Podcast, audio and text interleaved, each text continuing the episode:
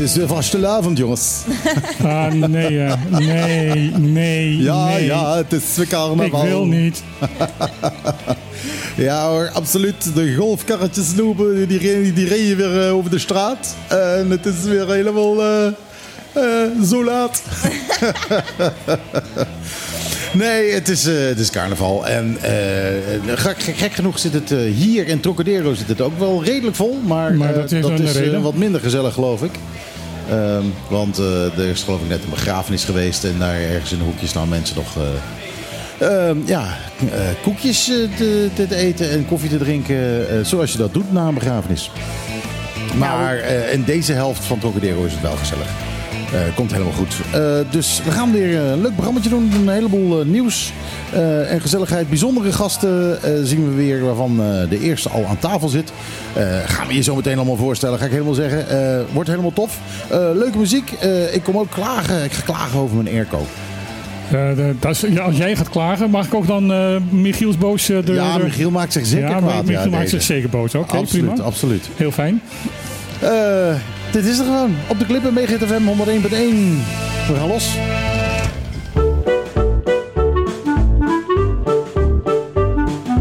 Elke zaterdag tussen 12 en 2.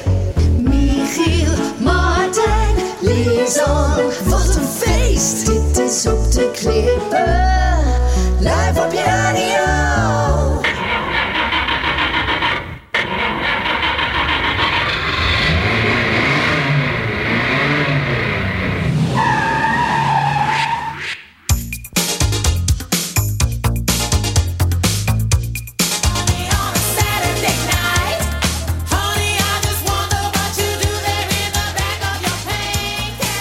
Cadillac van Natalie Cole. En eh, de tune is er niet doorgekomen, hè? Misschien moeten we die Nee. nog toch even laten horen dan. Dat je weet eh, waar je naar zit te luisteren, denk ik dan. Kan dat?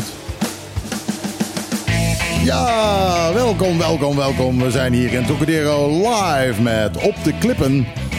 Ja, Michiel, Martijn, Lisanne zitten er weer. En je kan ook zelf langskomen, hè? Ja hoor, eh, het is open, eh, lekkere koffie, eh, alles is aanwezig. Ja, ja, als je wil is er ook wel uh, koffie, maar die moeten we dan speciaal Ja, maken. dan, ja eh, dan moet je zelf meenemen. Vieze Ja. koffie neem je zelf mee. Oh ja, lekkere kan ook. koffie kan ja, je hier dit is krijgen. echt goede koffie. Daar kun je je carnavalsweekend wel mee starten, hoor. Ja, inderdaad. Want het is weer vastelavond, mensen. Ja, en dan moet ik altijd een beetje een soort van zuidelijke...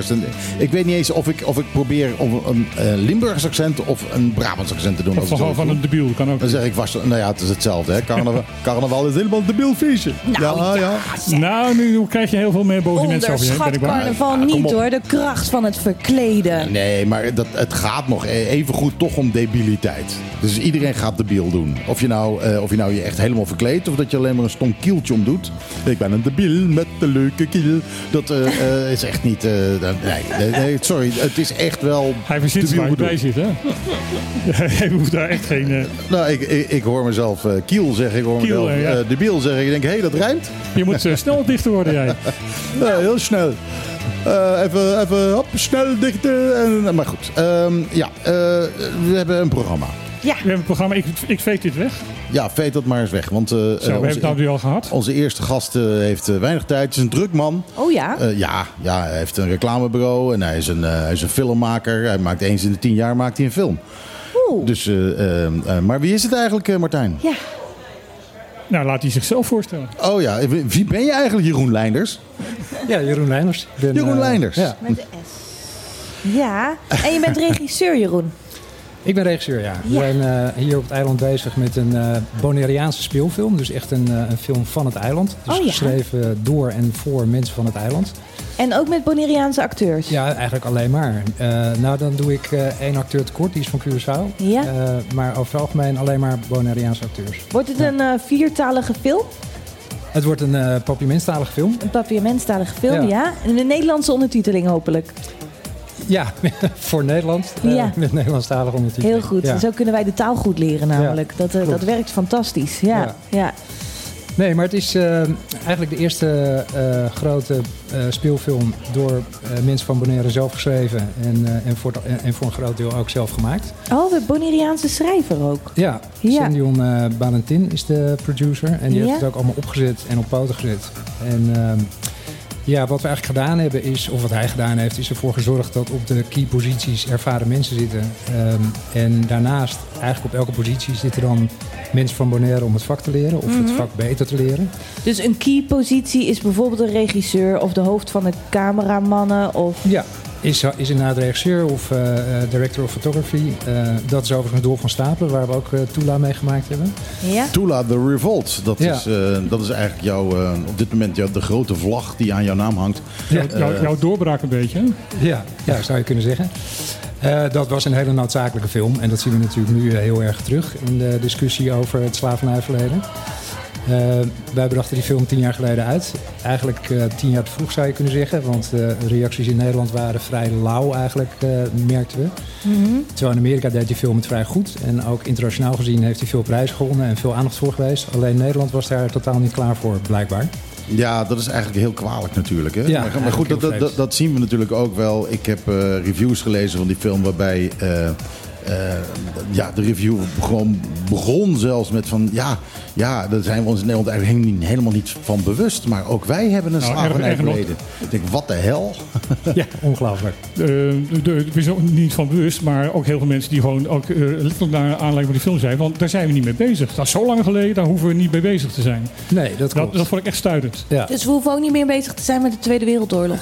Ja, dat is nog minder lang geleden. Ja, dus- Maar dat is ook wel heel erg lang geleden hoor. Ja, joh. Maar iets wat vijf jaar geduurd is, daar, eh, daar, dat herdenken we nog ieder jaar. Ja. En iets wat, eh, wat dan eh, wat langer geleden is, wat Honderden jaren heeft gaande geduurd, was. dat gaan we niet herdenken. Nou ja, de doorwerking van het slavernijverleden hier is natuurlijk enorm. En dat, en dat is veel en veel recenter. Als ik praat over Curaçao, dan zie je dat er nog een revolutie is geweest... die we ook liever in Nederland niet zo noemen in 68. Ja. Waar, eh, Wat regelrecht de, terug te voeren is naar... eh, de, de, ja, daarvoor. wat in feite gewoon Ja, te maken heeft met ongelijkheid. Ja. Wat is er gebeurd in 1968 op Curaçao?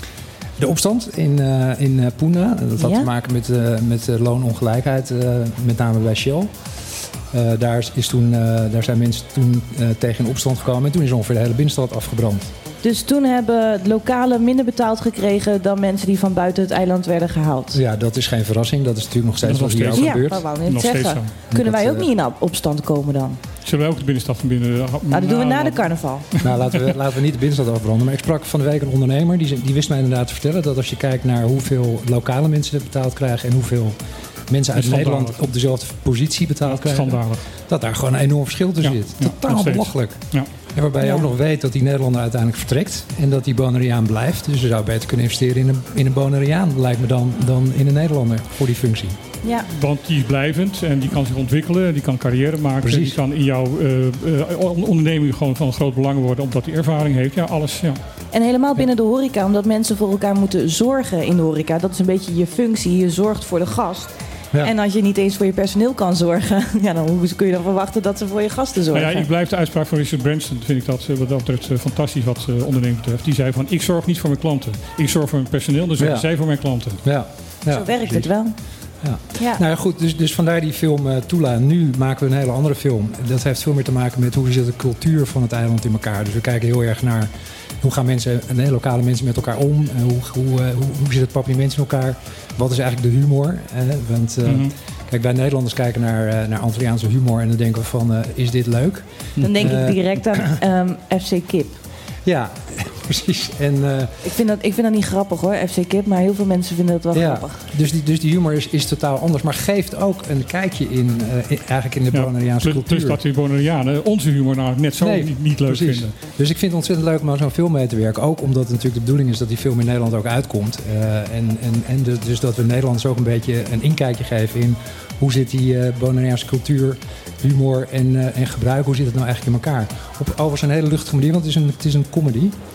Eh, voor mij ook een beetje out of my comfort zone. Want het is niet Ja, iets wat ik jij- eh, ja, direct jij- zou doen normaal Jij gesproken. bent natuurlijk ook van Nederlandse bloeden. Dus eh, Klopt. Ja. kun je er zelf wel om lachen? Nou ja, ik ben Kan, dan kan, wel je- weer... kan jij eh, als Nederlander Bonaireaanse hu- humor filmen? Ja, dat zei ik ook toen ik gevraagd werd. Toen zei ik ook, moet je mij wel hebben. Eh, het is zo dat, eh dat en ik die kwamen elkaar tegen, overigens hier eh, tegenover in de, bij, bij de koffie, koffiebar. En eh, hij vroeg of ik hem wilde helpen met het schrijven van een ander script waar hij mee bezig was. En daar heb ik hem een jaar mee begeleid of zo. En toen na een jaar kwam hij, zei hij van, ik ben nu bezig met een project eh, waar ik je ook graag bij wil betrekken. Zei hij dat ze willen lezen. Dus dat heb ik toen gedaan. En toen zei ik inderdaad van nou, misschien moet je daar een andere regisseur voor aannemen. eh, gezien het onderwerp, gezien het, het feit dat het comedy is. Maar hij zei nee, ik wil jou daarvoor hebben eh, omdat eh, ik denk dat je dat goed zou kunnen verbeelden. Eh, en, en bovendien wil ik zelf eh, de functie van assistant eh, director invullen. Waardoor ik ook het vak wat beter zou kunnen leren. Toen zei ik, nou ja, prima. Ik heb wel het voordeel dat ik ben opgegroeid op Curaçao, dus er wel iets van weet en kan begrijpen. En je spreekt de taal nog? Ik spreek de taal nog een beetje. Ik kan het in ieder geval redelijk volgen. Ehm, en dat is wel belangrijk natuurlijk. Ja. Eh, en ja, ik denk dat er weinig mensen zijn die je kunt vinden die en papiermens spreken of kunnen begrijpen. eh, en eh, die Sendion Valentin kennen. Ja. Eh, Maar de taal leren is ook de enige manier om te integreren, hè? Nee, absoluut. Ja, ja. Ja. dat klopt. Dan hou ik even mijn mond, want ik heb al drie cursussen gevolgd en kan nog steeds geen papiermens. Maar nee, Nee, het lukt mij niet. Eh, Nee. een van de, ja, ik heb altijd met talenproblemen gehad dat ik eh, de grammatica allemaal wel snap. Maar misschien moet je gewoon s'avonds in de snack gaan staan. Dan gaat het heel snel. Ja, ik, ik heb wel... Ja, maar dan leer je alleen maar het woord conjo. Ja, dat weet ik niet. Maar, eh, Nee, in zulke gevallen leer je altijd eerst de, de, de scheldwoorden. Dat is altijd Ja. gebruikelijk. Dat, eh, ja. Ja, dat, Ja. dat gaat je goed af. ja, dat gaat mij uitstekend af. Schelden gaat, dat gaat mij in alle mogelijke talen uitstekend af. Dat, eh. Ehm, ik had net een vraag, maar die ben ik even vergeten.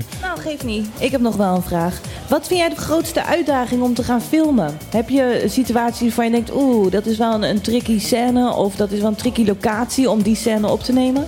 Nou, dat eigenlijk niet. Ik denk waar, waar de grootste uitdaging in zit, is dat je. Je werkt natuurlijk met een vooropgezet script, met vooropgezette dialogen. En dan werk je met eh, lokale acteurs, die veelal natuurlijk heel goed papiaments spreken, Ja. maar misschien minder goed Nederlands. Nou, dan is mijn papiaments weer ook minder goed.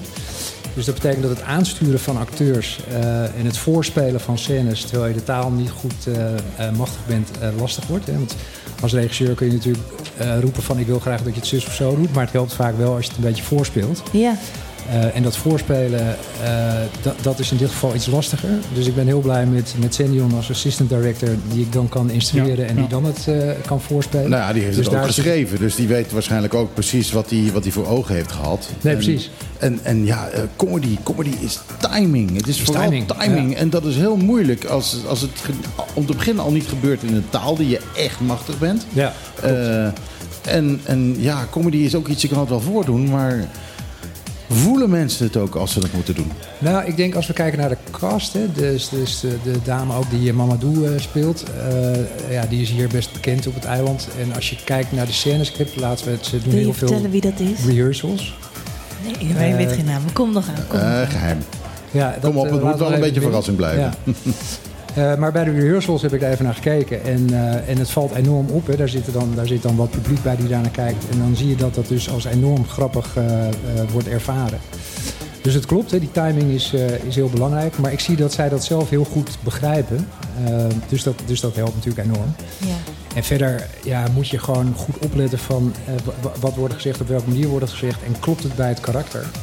Dus, dus mijn rol, en dat geldt ook voor de andere hoofden van departementen in de film, dat zeggen we ook altijd, is wij moeten ervoor zorgen dat die mensen zo goed mogelijk voor de dag komen. Maar uiteindelijk zijn zij het die de film eigenlijk maken. Wij kunnen het alleen maar technisch verbeteren en ervoor zorgen dat zij echt kunnen shinen. Eh, dus wij zijn echt, eh, echt- functioneel voor voor hen en niet andersom. Maar ja, jij bent degene die er uiteindelijk op wordt aangekeken straks. Dat is wel zo. Eh, maar goed. Maar dat is altijd de rol van de regisseur. Ja, dat, Ja, dat- nat- ja. Als natuurlijk. de, als de film heel goed is, dan zijn het de acteurs die het goed hebben gedaan. En als de film slecht is, dan is de regisseur slecht geweest. Ja, je Ja, moet nou- stevig in je schoenen staan. Ja, ik vind dat niet zo erg. Mijn, ik, ik hou wel van een rol op de achtergrond. Eh, zeker als het gaat over op mensen dat, dat zo'n film eh, uitkomt. Eh, en, en bovendien, kijk, wat het altijd is, je maakt zo'n film van tevoren. Je bent een half jaar bezig samen om dat script goed te krijgen met de schrijver. Als regisseur heb je natuurlijk een interpretatie. En dan ga je naar een set, dan staat er ineens eh, eh, 45, 50 man op een set. Dan Die, ben je, die allemaal vragend naar jou staan te kijken. ja, nou dan ben je daar eh, echt eh, ruim eh, eh, eh, vijf weken mee bezig met zo'n crew. En dan pakt iedereen zijn spullen en gaat weg. En dan zit jij met een heleboel footage eh, waar je vervolgens dan met een editor iets van gaat maken. Dan wordt het ineens heel klein, want dan ben je eigenlijk alleen maar met z'n tweeën bezig. En dan moet, je die, dan moet je nog muziek erbij bedenken, dat moet je laten componeren, dan moet je het nog eh, in elkaar gaan zitten. Nou, dan, nou, daar ben je zo een half jaar mee kwijt. Dat is dan, weer, dat is dan, dat is dan eigenlijk een heel klein en intiem proces. Dan vergeet je eigenlijk weer dat je dat met 50 man gemaakt hebt.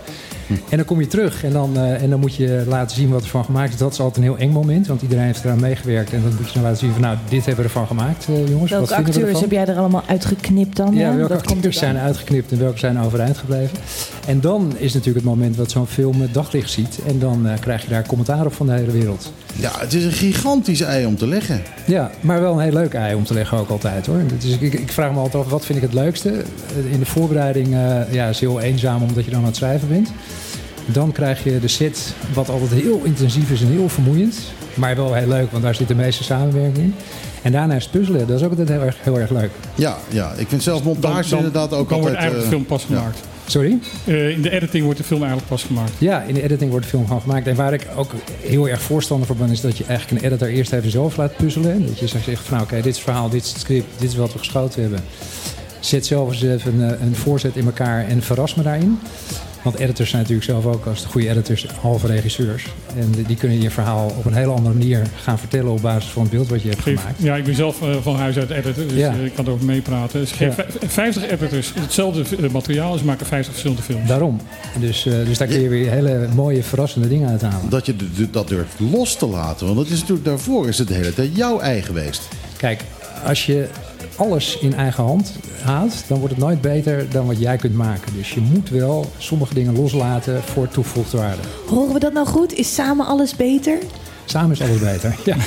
Ja, we moeten het toch samen doen, jongens. Ja, samenwerking Ja. is alles. eh, Nou ja, ik denk dat het belangrijkste is dat je moet aanvoelen eh, wie waarin het sterkst is. Zo is het. Ja. En, eh, en, en, en, dan, En- dan laten gaan. Als jij weet dat je editor een, een, een koning is in zijn vak, dan kun je inderdaad gewoon Ja. zeggen: oké, doe maar.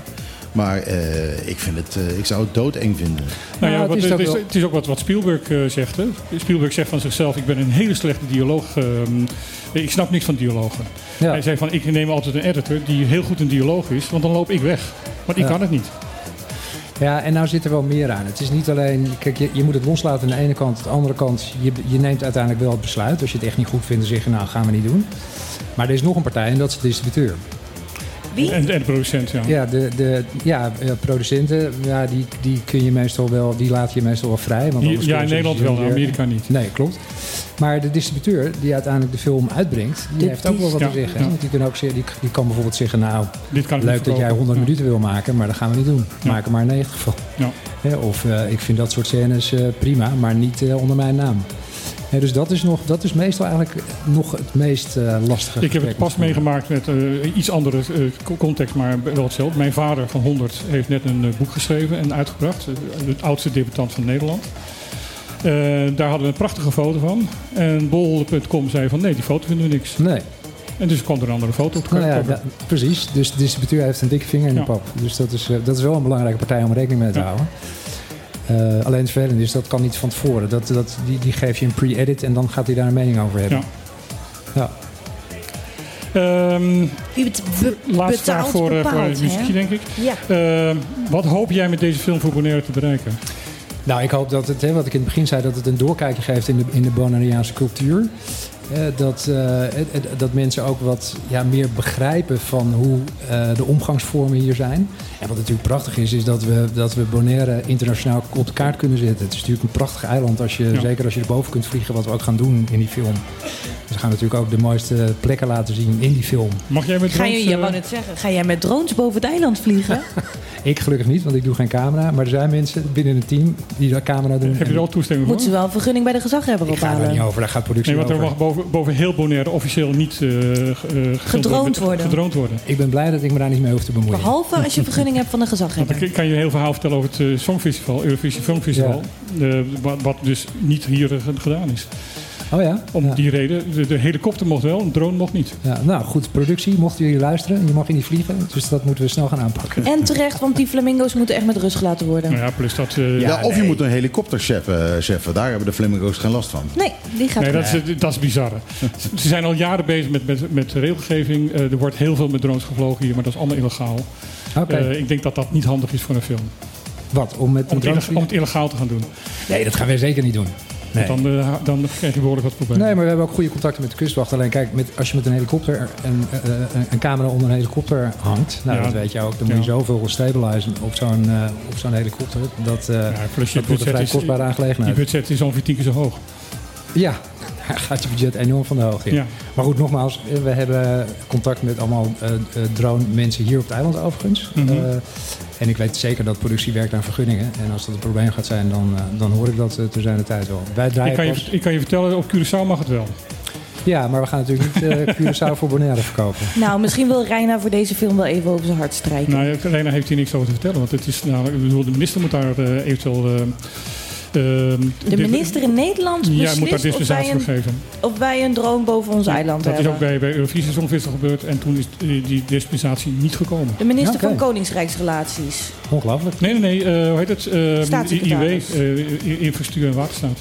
Oh, de Harbers, toch? Wilke Har- Nee, eh, dat is niet... Nee, Wilco Harbers is een dichter. Nee, dat is de dichter van. Ik ga het opzoeken. Het plaatje? Eh, ja, Ja. ehm, eh, Jeroen, je bent eh, naar eh, eh, Bonaire verhuisd gewoon tijdelijk om dit, eh, dit te doen, hè? Want eh, Nou ja, we zitten hier een paar maanden. Ja, klopt. ja, Ja. eh, zelfs die kinderen gaan hier naar school nu. Ja. Eh, dus eh, dat hakt er flink in. Ik wens je heel veel succes. Ik hoop eh, als je toch een beetje rondloopt... dat je misschien eh, nog een keer eh, hier binnen wil komen wandelen... om te vertellen hoe het gaat, hoe het neem dan een verloopt. paar kast en Ja, crew lijkt me mensen leuk. mee.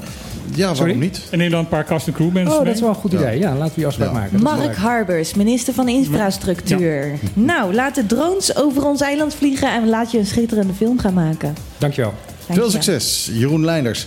Eh, ik ga een plaatje draaien en dit is de nieuwe Alok.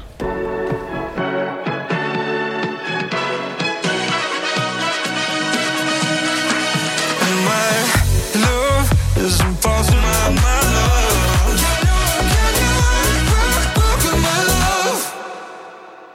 Alok. Eh, ik moet even lachen. Want eh, ik, er werd mij verweten dat ik altijd ja zei na zo'n plaat. En verdomd, ik deed het weer. Maar de microfoon stond niet open. Dus nu hebben jullie het gemist dat ik zei ja, Alok. Alok samen met James Arthur. Work With My Love heet de plaat. Ik en je, hij heeft moet je ik vind het helemaal niet erg dat, dat, dat ja hoor. Ik vind het gewoon heel grappig. Ja. hey, ik wou je even wat vertellen hè, over eh, mijn airco. Eh, ik heb een hele mooie Mitsubishi airco heb ik, eh, hangen in mijn studio. Eh, en dat is een ruimte die helemaal volgestouwd staat met eh 10.000 cd's ondertussen.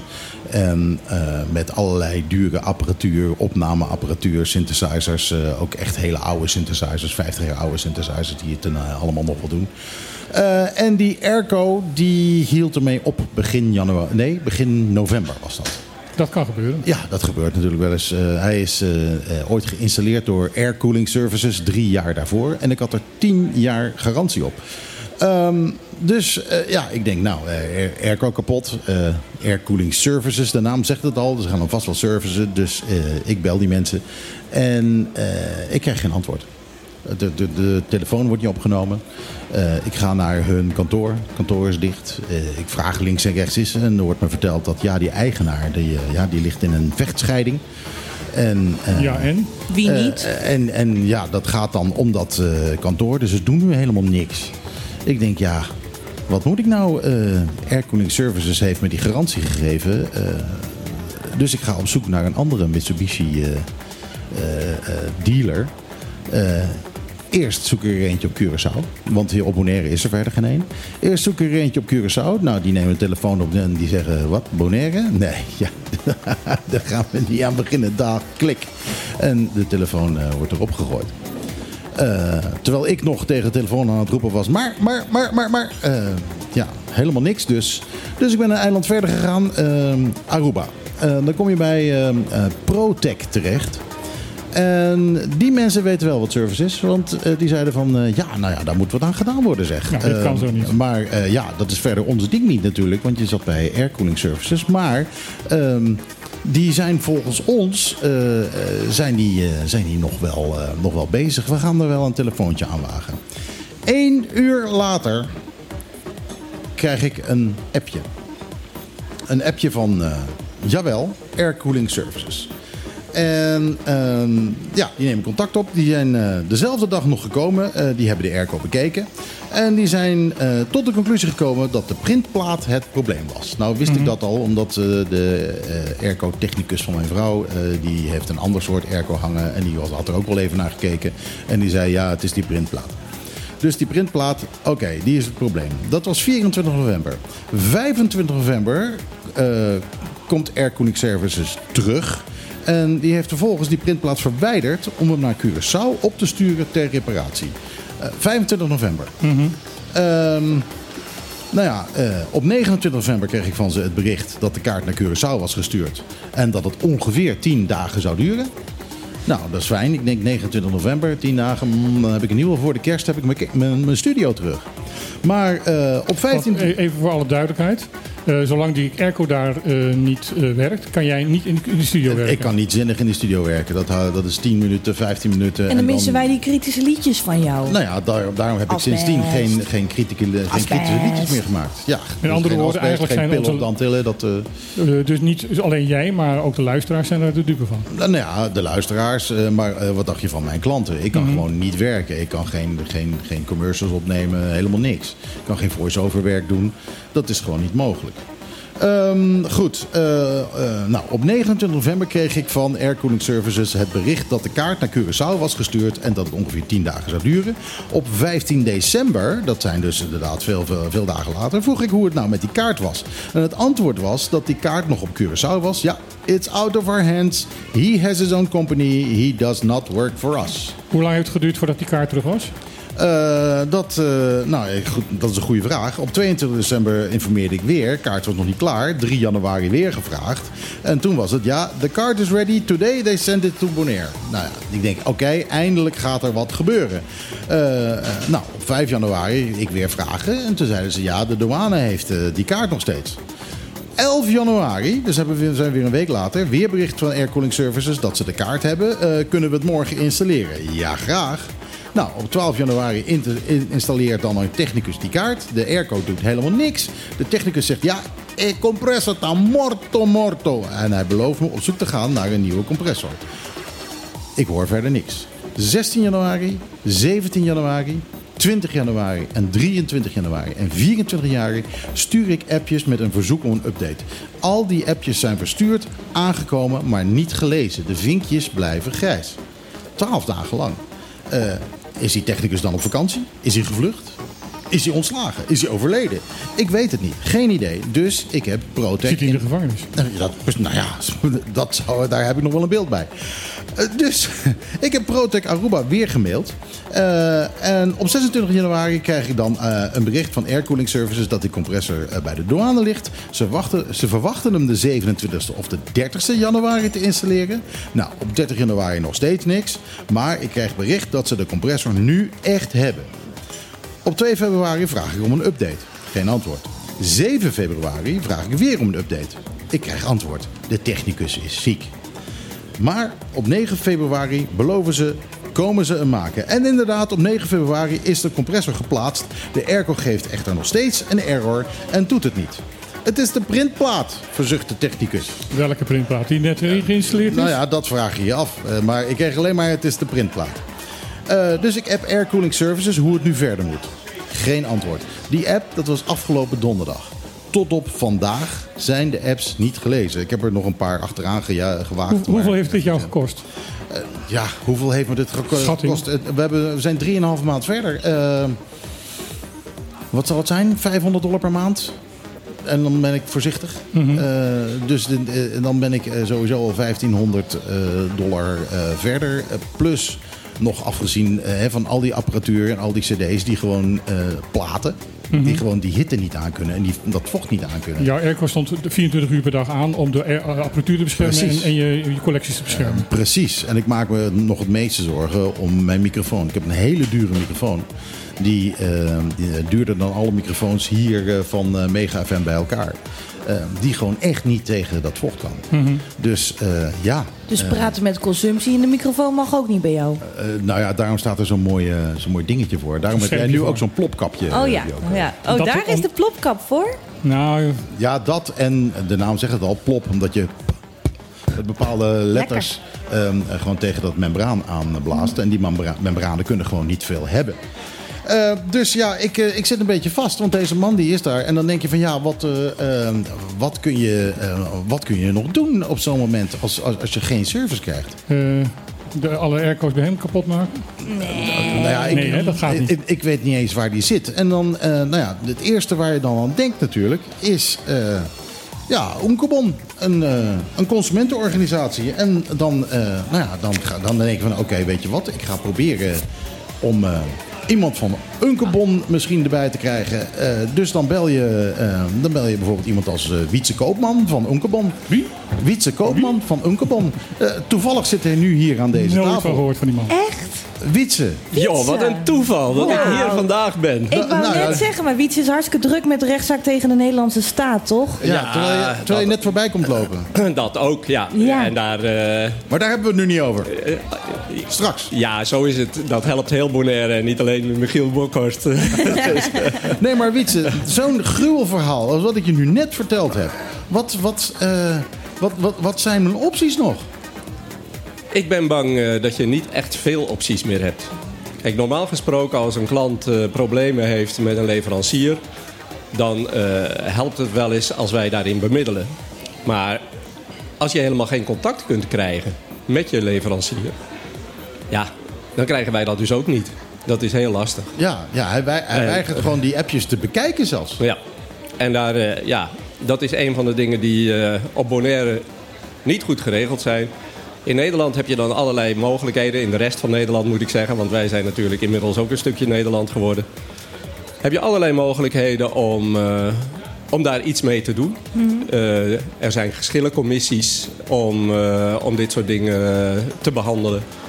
Er is een, een juridisch loket waarmee je laagdrempelig aan de slag kunt. Om zo iemand eh, te dwingen om eh, te doen wat hij moet doen, om de garantie te leveren. Er zijn televisieprogramma's in Nederland Er die zijn, achter je eh, rechten aangaan. Eh, ja, en die, en die dus veel publiciteit opleveren, wat meestal ook voldoende is om. eh, Dat werkt meestal beter dan een rechtszaak, hè? Weet je, hier hebben we eigenlijk alleen maar de publiciteit en de Ja. rechtszaak. Nou, de publiciteit, daar kan jij uitstekend zelf voor zorgen. Nou ja, daar, ben- daar ben ik nu mee bezig. Ik heb nog zitten denken, misschien moet ik iets, eh, eh, ja, eh, eh, een- Iets maken. Iets van jingletjes maken of zo. in, de, iets- in de warme studio bij ja, jou. ja. ik had al wat bedacht hoor. Wat, wat dacht je hiervan? Some like it hot, Air Cooling Services. some like it hot. We're not cool. Eh, misschien dat zoiets helpt, als ik dat ga draaien. Dat, eh, ja, het zou kunnen dat ze je dan in ieder geval je appjes lezen en kijken wat ze eraan kunnen doen. Ja, kijk, weet je wat het is? Ik heb tien jaar garantie op dat ding. Hij is drie jaar oud. Dat betekent dat ik nog zeven jaar te gaan heb. Ja. Maar, eh, maar ja, eh, al drieënhalve maand wordt er niks gedaan. Maar ja, als ze niet reageren op je app- appjes en niet reageren op, dan eh, kan je 100 jaar garantie hebben, maar dan heb je er nog niks aan. Ja, maar ja, eh, eh, die garantie, daar heb ik ook voor betaald. Weet je? Maar ja, Air Cooling Services. Where your warranty means nothing. Maar Michiel... Ah.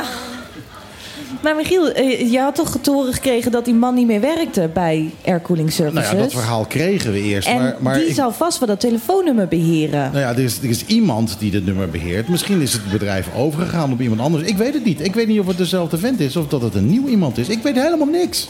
Nee, en dat is een probleem op Bonaire. Het eh, zijn meestal heel kleine bedrijfjes die afhankelijk zijn van, eh, van één of twee personen. En eh, als die niet toegankelijk zijn, dan ben je gewoon de klos. Ja, bij, de- deze bij, de man- wat, bij de wat grotere bedrijven krijgen we meestal wel gehoor. Kijk, kijk, ook als consumentenorganisatie. Eh, we hebben dus ook eh, inmiddels in de afgelopen jaren geregeld dat er eh, echt eh, klachtenprocedures zijn gekomen bij grote bedrijven als Telbo en Web. En eh, we zijn ook bezig om eh, die bedrijven aan te laten sluiten bij de Nederlandse geschillencommissie, zodat je in ieder geval laagdrempelig dit soort dingen kunt, kunt aankaarten. Maar we zijn nog niet zo ver. Dat de echte consumentenbescherming in de wet. Ja, we hebben de wet van de Nederlandse Antillen overgenomen. En in Nederland, die nu die wetten moet aanpassen aan de consumentenbescherming die er ook in Nederland is, is daar helaas bijzonder weinig prioriteit voor. Is het iets wat we met de lokale politiek moeten gaan regelen ook nog? Nou, de lokale politiek zou bijvoorbeeld ook er bij Nederland kunnen aandringen van... Joh, doe nou eens wat aan die consumentenbescherming. Tot nog, toe, tot nog toe is Onkebon zo'n beetje de enige die, eh, die dat aankaart bij eh, verantwoordelijke ministeries. En bij, eh, bij bewindslieden ook. Maar Onkebon krijgt van geen enkele politieke partij steun. eh, de politieke partijen hebben andere prioriteiten.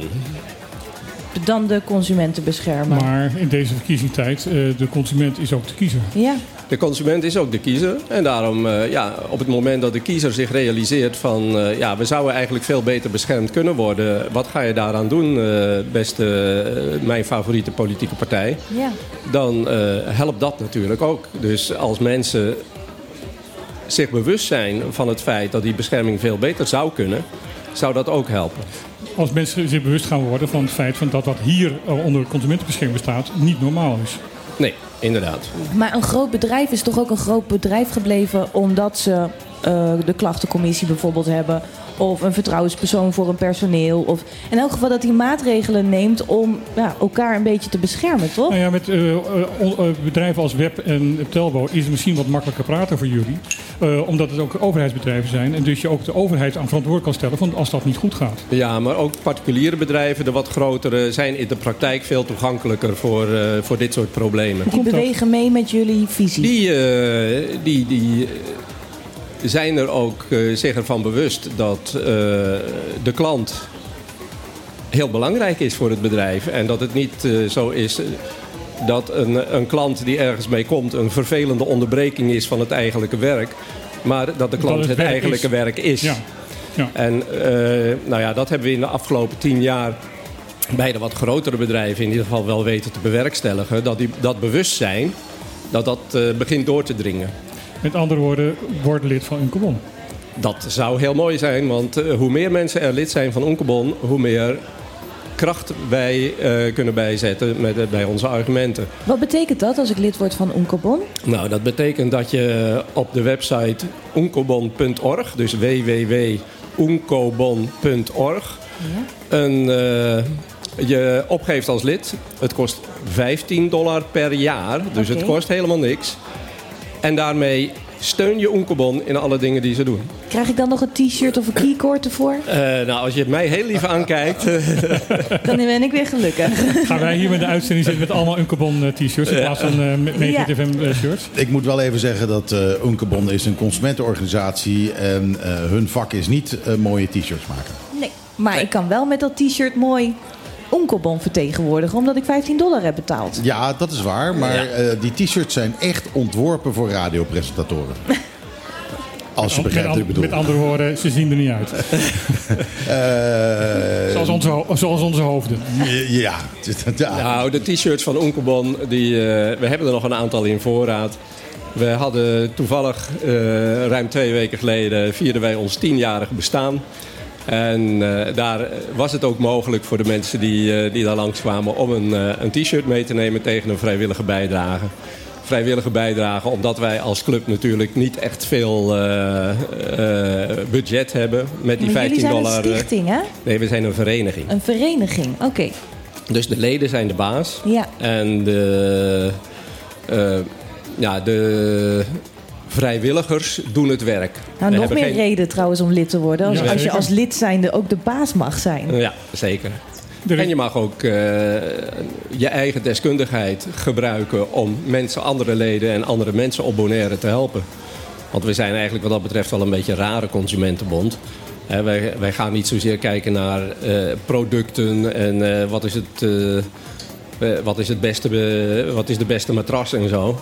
Wij zijn voornamelijk bezig met maatschappelijke problemen. En een van de grootste maatschappelijke problemen op dit moment is natuurlijk dat mensen gewoon veel te weinig inkomen hebben om rond te komen. Oftewel de armoede, Ja. het Met andere- inkomenstekort. ja, met andere woorden, er is weinig te consumeren. Dus ook de Consumentenbond heeft weinig te doen.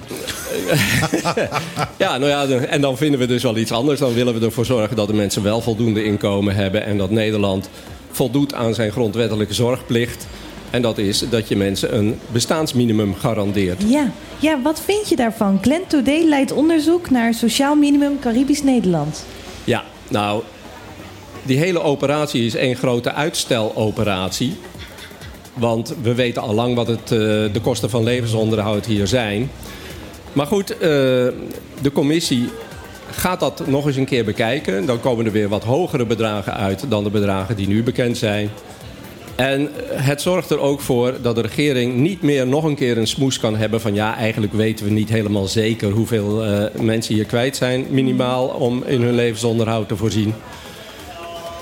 al dit soort dingen zijn toch wel een gevolg van druk die Oenkebon heeft uitgeoefend met publiciteit in Nederland. eh, en die ook natuurlijk lokale politici iedere keer uitoefenen in Nederland op hun manier.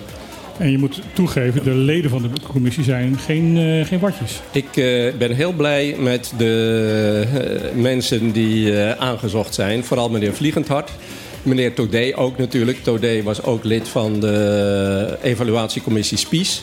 Die kwam met een rapport waar de Nederlandse regering niet erg blij mee was. Want er werd gewoon in beschreven wat er is gebeurd. En wat er vooral niet was gebeurd op sociaal-economisch terrein. Dat was een van de dingen die, eh, ja, die, die weer extra druk leggen op de regering. En deze commissie, eh, ook met meneer Vliegendhart van het Nibud. Ja, ik, zal, ik, even, al... ik zal even de leden langslopen, zodat de mensen thuis...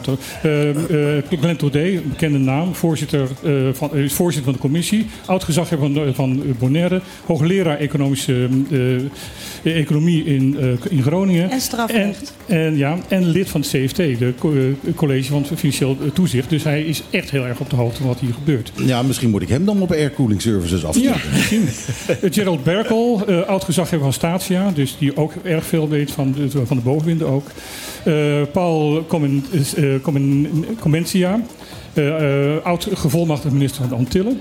Dus ook heel erg op de hoogte van wat gebeurt. Onze eigen Bernie El Elhagen. mevrouw Heilbron, die, kon ik niet thuisbrengen. Nee, dat is de enige naam die ik niet kon thuisbrengen. Ik vond het zelfs ja. zo opvallend. Van, als ik mijn eigen naam google, dan komen daar ongeveer 27 pagina's uit. Terwijl ik echt totaal niks te vertellen heb in deze wereld. bij haar nog niet één. Ja, maar je kan dat ook allemaal weghalen hè, als je dat wil. Je kan je, je naam kun je helemaal laten zuiveren op Google. Cynthia Ortega, uh, oud Tweede Kamerlid van het CDA. Ja. Uh, Willemijn uh, Roosendaal, hoogleraar sociale verzekeringsrecht. En Vliegend Hart, uh, eerst, uh, oud Eerste Kamerlid van de SP en directeur van Nibud. Ja. Dat wat, even, wat even, ik moet je heel even verbeteren. Want Cynthia Ortega, dat is Cynthia Ortega Martijn, neem ik aan. Ja. die was niet van CDA, die was van de ChristenUnie. Oh, toch nog iemand goed van de ChristenUnie. nou, dus, dus even zoeken, maar je vindt ze wel. Ja. Ja. ja. Dankjewel voor de correctie. Ik, Ja. ik, ik, ik, wist, ik dacht het zeker weten van het CDA. Nee, maar er zit voldoende deskundigheid in deze commissie om eh, een realistisch beeld weer te schetsen van eh, eh, wat er. De wat- conclusies van deze commissie zijn niet zomaar onder, onder tafel te schuiven. Nee, er is al. eh, ja. En dat is, dat is op zich wel heel grappig. Eh, staatssecretaris Van Huffelen die heeft op een gegeven moment gezegd: van we gaan dat gewoon overnemen in een sociaal minimum in 2024. Ja, En, eh, zonder drie vragen weken, te stellen. hè? Gewoon had zeker en daar, eh, en daar vroeg eh, mevrouw Simons nog: ja, bedoelt u echt een op kosten van levensonderhoud gebaseerd en niet weer zo'n fantasieverhaal zoals we dat eerder hebben gehad? En Van. En het, het, het korte antwoord was ja. Dus eh, helaas, mevrouw Van Huffelen gaat er niet over. Mevrouw Schouten gaat erover. En die heeft later weer wat voorbehouden gemaakt. eh, en gezegd van eh, ja, nee, we gaan dan eerst kijken wat we ermee kunnen doen. En vandaar ook dat wij het heel belangrijk vinden om nu eh, de druk in Nederland zoveel mogelijk op te voeren. Onkebon is daar dus druk mee bezig. We zijn bezig met een rechtszaak. Financiële steun is bijzonder welkom. Op onze website eh onkebon.org vind je ook eh, waar je een bijdrage kunt storten in de rechtszaak.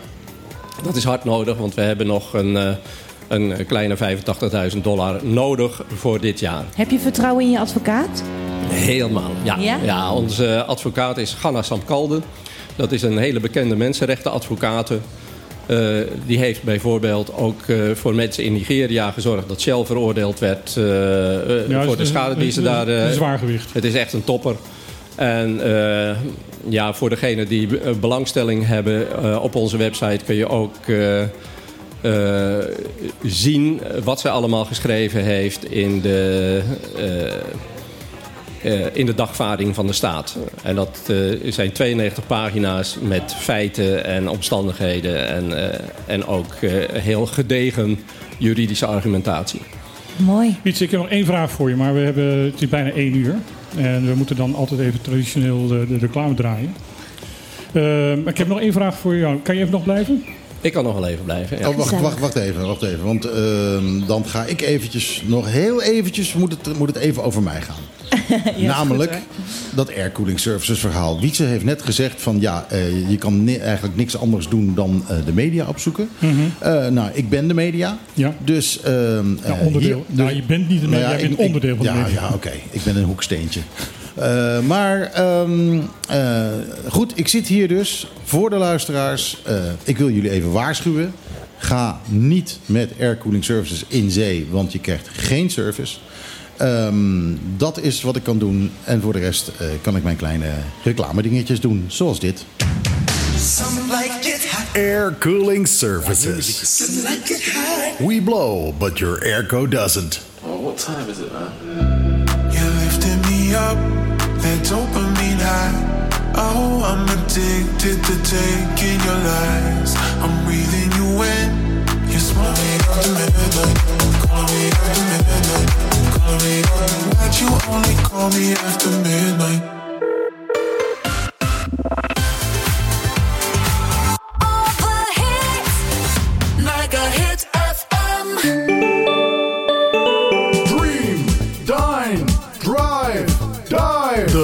Bonaire. Een klein intiem resort met een no-nonsense vibe. Op loopafstand van Centrum Kralendijk aan de Kaya Dialma 11. De ideale uitvalsbasis om Bonaire te verkennen. Kijk voor meer info op de socials of op thehutbonaire.com. Dream, dine, drive, dive. De Hut Bonaire. Debatteren, dat is het met elkaar oneens zijn. Staan voor je mening. Maar respect hebben voor elkaar en samen zoeken naar de waarheid. Zaken die onverbrekelijk verbonden zijn met het fenomeen dat wij democratie noemen. Maar die democratie moet beschermd worden. Vrijheid komt niet vanzelf. Daarom is voor de Partido Democratico Bonaireano de onafhankelijkheid van de pers heel belangrijk. Zij zijn de waakhonden van de democratie en moeten in alle vrijheid hun werk kunnen doen. They keep us honest. Ook de politiek zelf heeft daar een rol in te vervullen. Daarom zet de PDB zich actief in voor de bescherming van de onafhankelijke journalistiek op Bonaire. PDB. Voor een rechtvaardig en duurzaam Bonaire.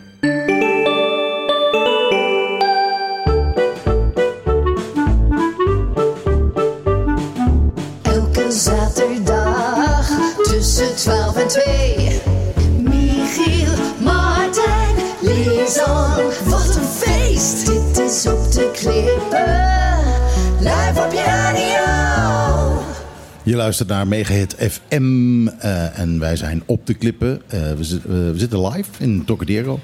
Eh, en aan tafel zit Wietse Koopman eh, van de Oekebon. Schitterende naam ook weer voor de directeur van de Consumentenbond van Bonaire, hè? Dat die Koopman heet. Ja, Koopman. Ja, prachtig. Ja, maar ja, ik ben geen directeur hoor. Ik ben Oh. inmiddels eh, eh, voorzitter-directeur af. Dat is overgenomen door Herbert Piar. Ja. Ik ben nu alleen nog maar voorzitter van de werkgroep die het sociaal minimum behandelt, die de rechtszaak doet. Oh, kijk, ja. Wietse, ik had eh, voor de reclame had ik, ehm, nog een vraag aan jou. Ehm, iets wat denk ik iedereen zich afvraagt. Wat is in godsnaam de reden? Waarom, waarom een hemelsnaam, om dat allebei er maar even te noemen. Eh, waarom al twaalf jaar lang er wordt tegengewerkt dat hier een normaal fatsoenlijk sociaal minimum komt. En dat uitkeringen uit recht worden getrokken. En dat mensen hier evenveel recht hebben om op, op dat soort zaken als in Europees Nederland. Wat, wat, wat zit daarachter? Ja, dat is een, eh, een hele goede vraag. En dat is niet alleen een vraag die, eh, die bij jou speelt. eh, dat speelt eigenlijk bij ons ook al jaren. En het speelt ook bij Kamerleden die wij spreken. Die hebben echt op het moment dat ze doorhebben wat er hier aan de hand is. Dat, dat, veel weten dat niet. Maar goed, inmiddels in de commissie Koninkrijksrelaties zitten er nogal wat. Die weten wat er hier aan de hand is. En die vragen zich dan af, hoe kan dat nou? En een van die Kamerleden eh, die opperde dat het misschien een soort neocoloniaal gedachtegoed was. Van wij weten beter wat goed voor ze is dan ze zelf weten. Dat is inderdaad gedrag wat vertoond wordt. En ehm,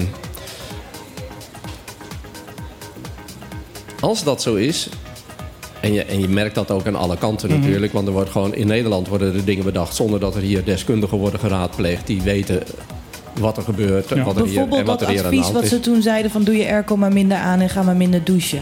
Dat was zo'n uitspraak die totaal Dat- niet dat- die is hier... dan nog vrij onschuldig. Ja, Ja, maar bijvoorbeeld. Daar zijn, daar, zijn, eh, daar zijn nogal wat eh, dingen. Ja, van eh, ga maar eens besparen op stroom. eh, en een airco is een luxe. Dat heb je toch niet echt nodig. Nou, dan, eh, dan, weet je, dan hebben ze dus geen idee. En er is ook al eens Dan is het- geopperd dat we meer aan landbouw moeten doen. Dat we vooral aan veeteelt moeten doen. Dat we koeien moeten hebben, zodat we melk hebben. Terwijl ze geen idee hebben van het klimaat hier. En dat hier niet eh, grazige weilanden zijn waar je die koeien eh, kan laten grazen. Maar dat al het voer moet worden ingevoerd en dat het dus peperduur is. Nou ja, een ander voorbeeld, wat ik nog veel kwalijker vind, is de wolbes. Die nu aangepast wordt. Maar die wordt door Nederlandse ambtenaren en in Nederland aangepast. En nauwelijks met consultatie hier. Ja, en als er al consultatie is, is het voor de vorm. Ja. En wordt er eigenlijk bijzonder weinig gedaan met de resultaten van die consultatie. er wordt hier besloten van, van ja oké, we gaan naar meer eh eilandsraadleden toe. Maar niet in de gelijk deze, deze verkiezing, want dat kunnen ze nog niet aan. Eh, ja, de volgende keer kunnen ze, ze het ook nog steeds niet aan. Dus dan maar, maar 14 en dan over acht jaar. Dan gaan we eens een keer eh, naar, naar 19 toe. Die, eh, die, maar dat wordt dus in Nederland besloten. En er wordt dus niet gevraagd hier van jongens, zouden jullie 19 raadsleden aankunnen? Nou, inderdaad, dat is een van de voorbeelden. eh, dat we meer raadsleden moeten hebben, gegeven de enorme stijging van het inwonertal, is natuurlijk ook al bij de vorige verkiezingen aan de orde Ja. geweest. En dit is het, eigenlijk het uitstelgedrag wat kenmerkend is voor de behandeling van die drie eilanden Bonaire, Sint Eustatius en Saba. Iedere keer als er uiteindelijk wordt toegegeven van ja, we moeten er iets aan doen, dan eh, wordt het zoveel mogelijk op de lange baan geschoven. Ja. En eh, dat is met dat sociaal minimum natuurlijk ook al zo geweest. In 2016 was er al een motie in de Tweede Kamer van...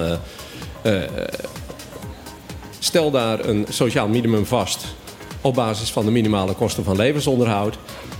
Ehm, in 2018 is daar een onderzoek naar gedaan nadat dat al eerder in 2014 door het Nibud was berekend. Maar in 2018 is er nog eens een keer een onderzoek naar gedaan wat het leven hier nou eigenlijk kost.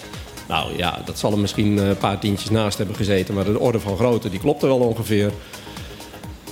En toen hebben ze besloten, ja nee, maar het is daar te duur, dus we gaan de kosten verlagen. En, En daarna zijn de eh, kosten alleen maar hoger geworden. en sindsdien zijn de kosten natuurlijk alleen maar hoger geworden. Inmiddels werkt die smoes niet meer. En hebben ze bedacht van nou, dan moeten we gewoon nog eens een keer laten onderzoeken wat het leven daar nou eigenlijk kost. En dat is die nieuwe commissie. Je zal Dat de is voor de derde keer. Dat is de derde keer. Je zal de naam niet kennen, Frans Meijers. Dat is een eh, bekende Nederlandse eh, onderwijspedagoog. En, en schoolvernieuwer. Je zal hem niet kennen, maar hij is bekend. nou ja, hij is in, in het onderwijswereldje is hij erg bekend. Ehm, die had als, als uitspraak bij schoolvernieuwingen... eh, erover praten is het beste ehm, vorm van uitstelgedrag wat er bestaat. Ja, nou ja, en dat gebeurt dus. En eh, ja, het, het, het waarom, dat zullen we nooit weten. Hm? Ik vraag me af of Corona Schouten nog lekker kan slapen. Nou ja, Ik, ik, eh, wat, wat ik denk dat bij, bij bewindslieden ook naar Nederland toe... Ik, ik ben daar vrij hard in misschien. Ehm, ze hebben bloed aan hun handen. Ja, absoluut. Want er gaan mensen nu er gewoon... sterven mensen door armoede, vroegtijdig. Ja. Ja, er, er zijn mensen. ik bedoel, we hebben net eh, al een paar keer eh, de afgelopen maanden hier duidelijk gemaakt jongens. eh, mensen hier zijn ongeveer tien keer zo ziek als, als, in- als in Europa. Kijk naar de nierdialyse. Mensen gaan, zijn ongezond door, die, door, door, door, ze ongezond eten, eten omdat ze dus arm zijn. Ehm, al dat uitstel 12 jaar lang zijn er mensen hier dood gegaan die niet dood hadden hoeven gaan. Op het moment dat, ze, dat die armoede hier niet was geweest. Dus wat dat betreft hebben de, de Nederlandse politici gewoon bloed aan hun handen. Nou ja, we weten, we weten zo langzamerhand allemaal, en dat is ook beschreven in allerlei rapporten, wat de gevolgen zijn van, eh, van de enorme armoede hier op de eilanden.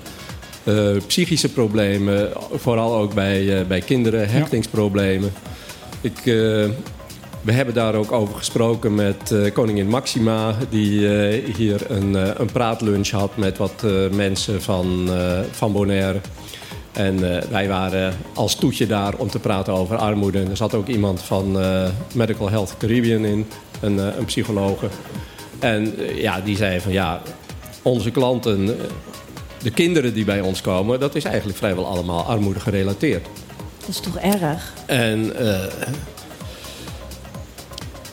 en ja, dan wil je wel zeggen van hoe kan minister Schouten nog slapen? Maar dat is een van de ministers die wel wil. Staatssecretaris Van Huffelen wil ook wel.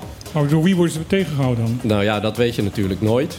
eh, het is in ieder geval zo dat eh, de verhoging van de belastingvrije som bijvoorbeeld... en dat hebben we dan weer uit, eh, uit interne, interne bron... daar heeft zij op een gegeven moment gezegd van die moet met 5000 dollar omhoog. Nou, daar was de minister van Financiën niet blij om. Maar het is inmiddels wel een feit. En dat betekent dus dat een van de manieren om eh, mensen te ondersteunen in hun inkomen... Die, die heeft er op deze manier gewoon doorgedrukt. Ik vind het wel grappig dat de minister van Financiën daar dan niet blij om, eh, om is. Ik bedoel, de hele fucking BES, dat zijn wat, 24.000 mensen. Dat is een half stadion in Nederland. Weet je Meer wie de is het niet. minister van Ze was niet Financiën is? geconsulteerd. Ja, die is ook van D66. Ja. Sigrid Kaag. Ja. Ja. En eh, ja, binnen zo'n- hoe dat binnen zo'n kabinet dan gaat, dat, dat zullen wij dus nooit weten. het is, het is toch te, te, te erg voor woorden als je, eh, eh, eh, mensen die het beter willen laten... dat je een soort guerrilla-strijd binnen het eigen kabinet moet gaan voeren. Ja, en zelfs binnen ministeries moet er guerrilla-strijd gevoerd worden. Want ook binnen ministeries zijn de meningen verdeeld. Mhm. En eh, ja, er is een, een soort coalition of the willing over verschillende ministeries.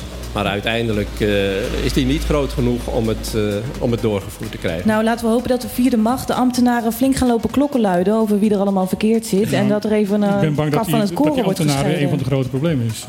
Nou, daarin kunnen we ook wel klikken. In elk geval, laat het lekker naar buiten komen, zodat we dat op kunnen lossen en het beter kunnen maken voor het eiland. Dat, eh, goed dat je dit En daar werk gaat doet. het om. Ja, precies. Weet je, uiteindelijk gaat het er ons om dat eh, mensen op Bonaire niet in armoede hoeven te leven. Ja, en dat de kinderen gewoon normaal kunnen opgroeien. En dat kinderen normaal kunnen opgroeien. Dat we eh, moeders niet twee of drie banen nodig hebben. Zodat de kinderen ook wat aandacht van de moeder kunnen krijgen. Ja.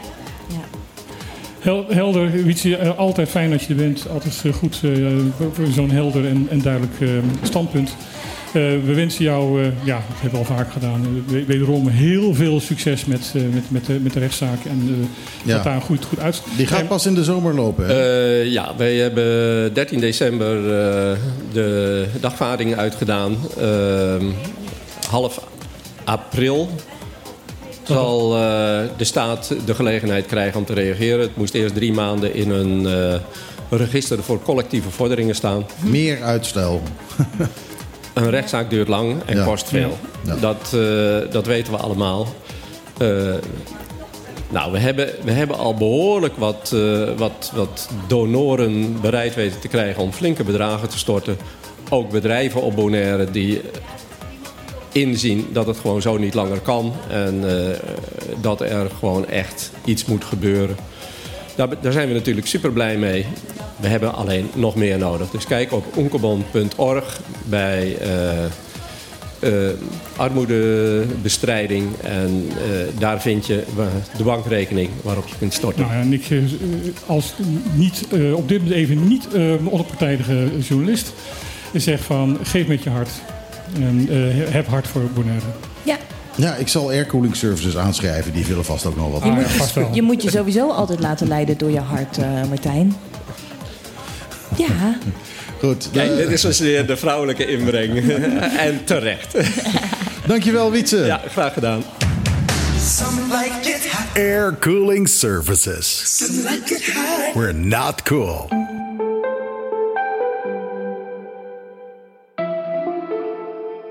Jacques Chirac. Ik hoop dat ik binnen denk, gewoon eventjes binnen. Ik ging achter cash aan en raakte verstikt erin. Bleef van links naar rechts gaan, nu zit ik er middenin. Boef featuring Lil Kleine en hij kan niet rijmen. En ik ook niet, want kleine en rijmen, dat rijmt niet. Nee, hè? maar, eh, eh, Dus, eh, maar, maar goed voor... kle- Kleine, fijne, Maar, maar, het, het is helemaal raken. Hè? Lil Kleine zou eh, helemaal goed vinden. Ja, joh. waarschijnlijk wel, ja. Die zegt, ja jongen, je bent echt, je bent echt Je bent njauw. echt natuurtalent. Ja, njauw ben jij. dat, Sensationeel nieuws. Maar wat nog meer sensationeel nieuws is, is dat menselijk schedel gevonden is op het eiland. Ja, de, eh, vlakbij... eh, waar- nou, er zijn er genoeg hoor.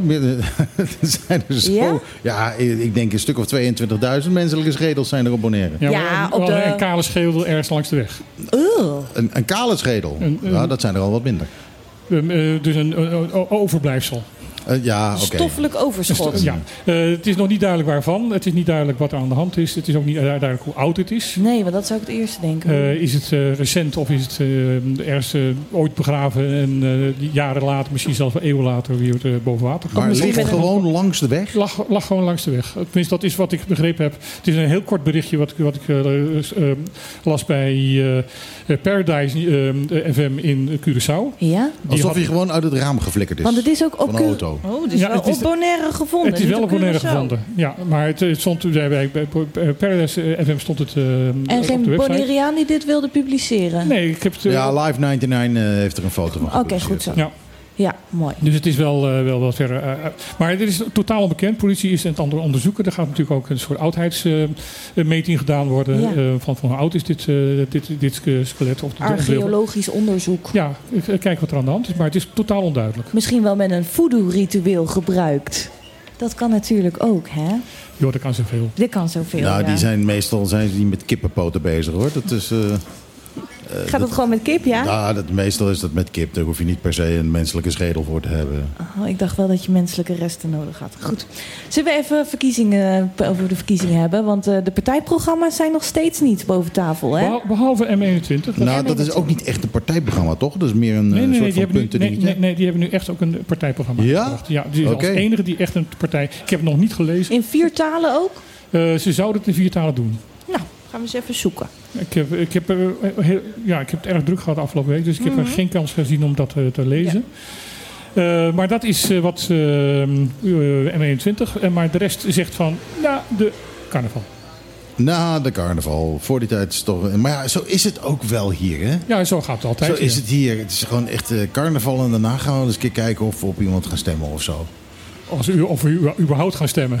Is ongelooflijk. Nou, de RCN heeft wel allemaal spotjes laten maken van ga stemmen, ga stemmen. Dus Nederland Nou wat- wil in elk geval dat wij een fatsoenlijk OLB kiezen. Wat, eh, wat, wat heel bijzonder is, is van dat daarnaast eh OLB nu ook een eigen eh, campagne heeft. Met eigen slogans, met eigen... eh, en eh, toen daarna gevraagd werd van jongens, werkt dat niet tegen elkaar in? Ja, of het is een beetje dubbel, hè? Een beetje dubbel. Nee, nee, we vullen elkaar aan. Maar toen werd gevraagd door de journalist van eh, in welk opzicht. Toen was daar geen echt antwoord op. Nou ja, we hebben maar net in ieder geval eh, ja. beter dan niks. En beter eh, dan dat het helemaal genegeerd wordt. Mhm. Ehm, maar de, de, ja, het, ik hoop dus volgende week woensdag, want dinsdag eindigt het carnaval. Dat, eh, dat er dus opeens van alle eh, andere vijf ehm, partijen dus een, eh, een, een verkiezingsprogramma ligt. Ja, en we moeten het toch samen doen. Er was een zin vorige week van meneer Boy die bij ons aan tafel zat. En die zei: Nederland luistert niet naar een versnipperd Bonaire. Dat klopt. Dat bleef Alleen, bij mij hangen, hoor. Dat vond ik eh, heel opvallend dat hij het zei. Ja. Ehm, ik sla mezelf voor mijn kop dat ik dat eh, vorige week niet heb opgepikt en daar niet onmiddellijk eh, meneer Boy daarover heb aangesproken. Nee, jij was druk met de nieuwe microfoons. Ik was druk met de mogelijke technische problemen, waaronder die microfoons. En ik heb pas later, toen ik de, het programma zat te, zat te monteren, gehoord van... Wat zeg je nou? Ja, ik vond dat ook. Ja, maar hij heeft wel gelijk. Nederland nee, nee, gaat niet luisteren naar versnippering. Nee, wat, wat, wat, wat ik, waar, waar ik echt van dacht van, wat doe je nou? Hij valt zijn eigen partij aan. Hij zegt van afgelopen jaren, afgelopen decennia, eh, eigenlijk vanaf 10-10-10, is er verkeerd gehandeld hier op Bonaire, is er verkeerd beleid gevoerd. Is dat een aanval of is dat een reflectie? UPB Ja. is vanaf eh, de, de 10-10-10 ehm, in, be- in het bestuurscollege geweest. Dus Ja. hij, hij zegt in feite dat zijn eigen ehm, ehm, politiek leider het verkeerd heeft gedaan. Nou ja, ik kan wel zeggen dat is gewoon dat- toch zoals het is. En hij zegt gewoon zoals het is. Dat is dat- Ja, val je misschien aan, maar het is wel zoals het is. Ja, maar dat doe je dus normaal gesproken bij politieke partijen. Ik, vind- ik vind het heel verrassend, want het is, normaal gesproken is het niet heel erg gebruikelijk dat je je eigen politieke partij gaat a- aan, aanvallen. Is het zo verkeerd om objectief dan te zijn naar je, naar je eigen partij? Nou, of is het een machtsstrijd?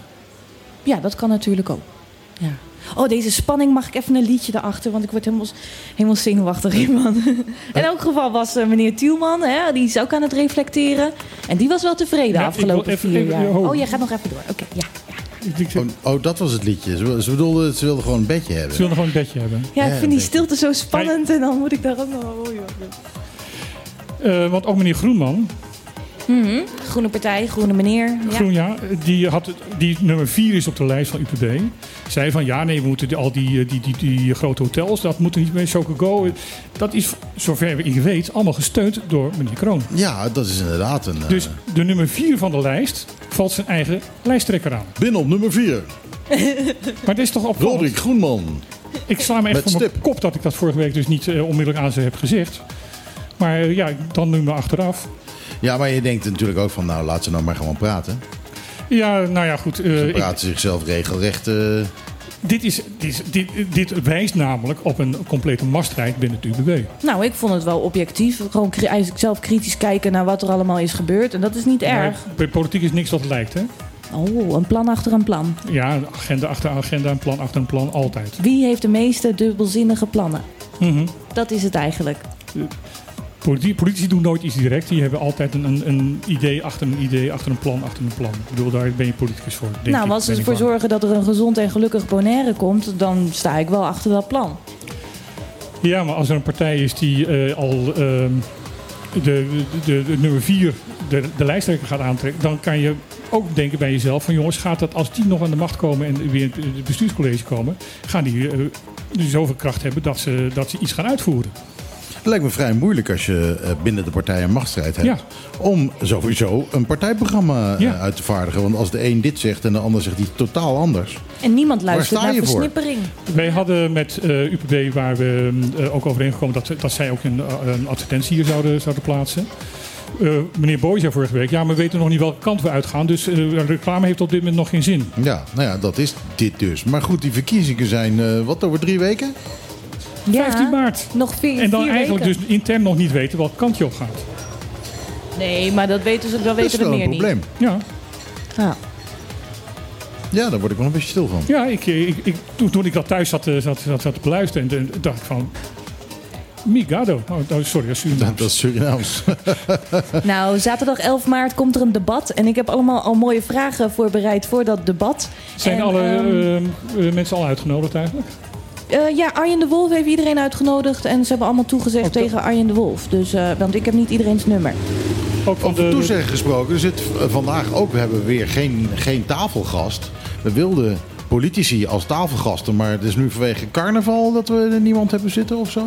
ja, onder andere. Ik bedoel, mensen reageren op dit moment gewoon niet. Ik bedoel, alles is, ligt stil in verband met, met carnaval. Carnavalsvakantie, ja, dan is het allemaal een beetje anders.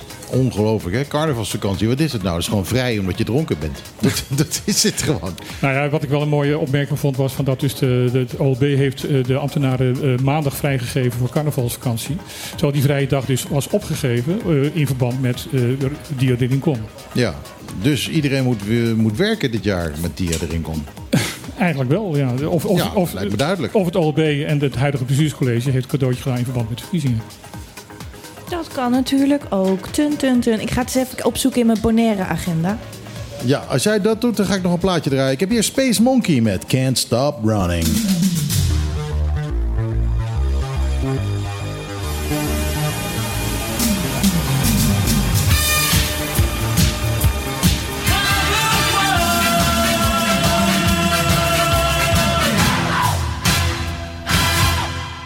Air Cooling Services, where your warranty means nothing.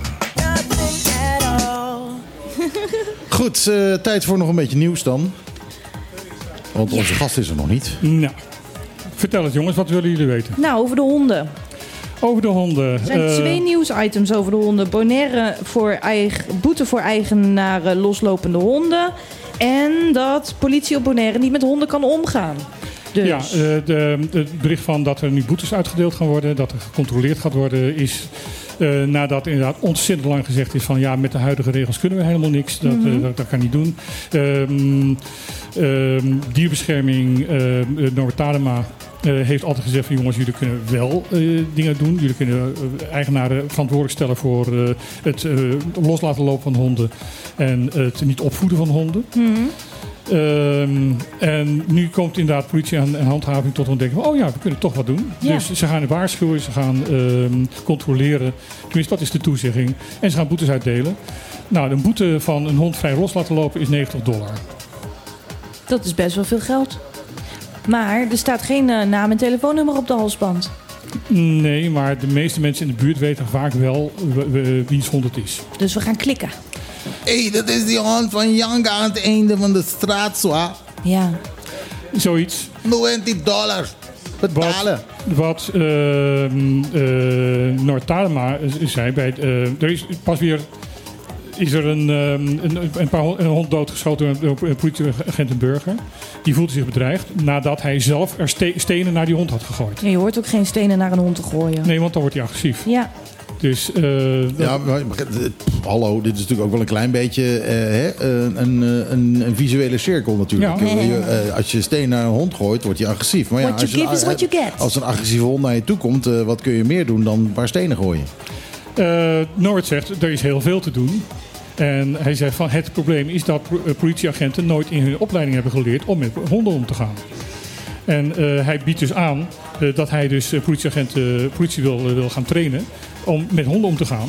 Maar het grote probleem is dat de meeste agenten zelf heel erg bang voor honden zijn. Ja. Ja, zeker weten. En terecht, want die honden die rennen altijd zo als een bezetene achter je aan als je met de auto ergens langs gaat. Ja, maar dat is een vicieuze cirkel. Hè? Dus, dus, dus het ene versterkt het andere. En, en eh, eh, honden ruiken als jij bang bent. En Mhm. reageren daar ook weer op. Eh, en worden daar eh, agressief van, want die denken van ha, hoe hard ik blaf, hoe bang jij bent, dus jij gaat weg. Want dat is de enige re- reden waarom een hond tegen je gaat blaffen. Hopen dat je daarmee afgeschrikt wordt en, we- en weggaat. Eh, dus ja, en, en dan gaat die andere dus weer agressief reageren, want hij wordt aangevallen. Ja. Dus ja, en dan kom je gegeven inderdaad in, in de escalatie terecht. Dat je als agent, denk ik inderdaad, alleen nog maar één ding kan doen, is dat pistols pakken en schieten. En dat moet voorkomen kunnen worden. De, die, die cirkel moet kunnen door- doorbroken worden. Dat is in Mhm. feite wat, wat ook eh, Talema in zijn betoog in, in een. in- ja, eh, hij heeft dat voor Cryptisch Netwerk heeft hij dat eh, in een interview gedaan. Eh, eigenlijk zegt van eh, je moet dat voor zijn. Je moet eigenlijk een stap daarvoor zijn eh, om te zorgen dat je die escalatie niet gebeurt met, Ja. met die hond. Maar ja, wat doe je als die escalatie eenmaal begonnen is? Ja, dat is het probleem. Dan, dan, ja, dan eh, kun je weinig anders doen. Nee, maar het Eh, is net, zo- net zoals met, met een oorlog. Eh, als een oorlog eenmaal aan de gang is, dan stop je niet zomaar. Maar je Nee, moet zorgen dat er geen Ja. oorlog komt. Ja. ja, en die hond die snapt dat niet. Nee, maar dat is dus ook aan de mens om te zorgen van dat hij het wel snapt. Gebruikt de politie op het eiland ook politiehonden? Ehm, er is ooit hier een politiehond geweest, maar volgens mij is die oud met, met pensioen. Was het niet een douanehond? Dat was een douanehond. Dat was een douanehond die getraind was op, op drugs. Hmm. Misschien zou er een, ehm, een leger politiehonden deze kant op moeten komen, zodat eh, de politie daarmee kan leren omgaan. Dat ze in elk geval een eigen hond onder controle kunnen houden en eh, Mhm. meer begrip hebben voor de dieren ook. Maar wat, wat, wat blijft, is dat er een, ehm, wat is het, eh, een paar jaar geleden door eh, dierenwelzijn hier op Bonaire een voorstel van een nieuwe verordening, de dierenverordening is ingediend. Dat is Mhm. aangenomen door de eilandsraad. En daarna nooit in werking gesteld. En dat is natuurlijk heel raar. Ja. Dat, die, eh, dat, dat, dat wel aangenomen is door de eilandsraad, maar het is nooit eh, geëffectueerd en het is nooit in, in werking gest- gesteld. Waarmee veel meer handvaten zijn. eh, handvaten of handvatten. Mhm. ehm, Handvatten. ja, het mag allebei volgens mij. Mag allebei. Ja? Ja, het mag Ik, allebei. vind, ik vind van niet. Handvaten. Eh, ehm, dat, ehm, dat dat inderdaad ook gewoon beter en, en, en eerder en sneller opgetreden kan worden. Ja. Want Ja. eigenlijk kan er nu pas opgetreden worden als dingen fout gaan. Als iemand bijna doodgebeten wordt. Want zelfs als je een hondenbeten hebt, dan ge- ja, ja, gebeurt er nog niet zoveel. Allee, hebben we nog meer nieuws? Jawel. Ja, dus weer een acuut gebrek aan stoelen. Tussen Curaçao en Bonaire. Oh. Vliegtuigstoelen. Oh, het staanplaatsen. Was het maar waar. Nou ja, eh, ik weet dat ze... Op een longboard en gewoon eh peddelen. in, in Europa hebben ze het overwogen. Staanplaatsen, de vliegtuigen. Als je eventjes op en neer ging tussen, Ja, levensgevaarlijk. tussen, eh, eh, tussen Nederland en Engeland, geloof ik. Dat is ook maar 15 minuten, dat kan prima. Ja, maar als je Nou ja, dit, iets- dit iets is nog gebeurt- korter. Ja. Als het vliegtuig echt eh, stijl naar beneden of stijl, stijl omhoog moet, dan liggen al die mensen voor- voorin of achterin. Ja, maar als je valt, dan val je. Zo is het nou eenmaal. Je Ja. moet je wel even goed vasthouden. Maar kijk, Nou- als het neerstort, maakt het ook geen bal meer uit, hoor. Ehm, hoe, hoe ga jij mensen die eh, zitten dan nog eh, duidelijk maken dat ze een riem moeten aandoen? Als mensen ook mogen staan. Ja, als mensen staan, dan eh, hebben ze geen riem. Dus dat ga je, hoef je ze ook niet duidelijk te maken. Lekker makkelijk. Ja. Of gewoon met je pols aan het plafond. Dat is het risico wat je neemt. Want die staanplaatsen zijn natuurlijk ook beduidend goedkoper. Ja, nou, ik, eh, ik, ik, ik vind het nog een bizar plan. Maar ik zag ook ehm, eh, meneer Messera en eh, meneer Tielman zag ik deze week met een vliegtuig helemaal mooi. En eh, nou, wat was dat dan? Want die waren ook taart aan het eten. Ik dacht, geen taart. er valt wat te vieren. Er is een nieuwe vliegmaatschappij. Ja, er is, nou, het is geen nieuwe. Het is Jet Air. Ja?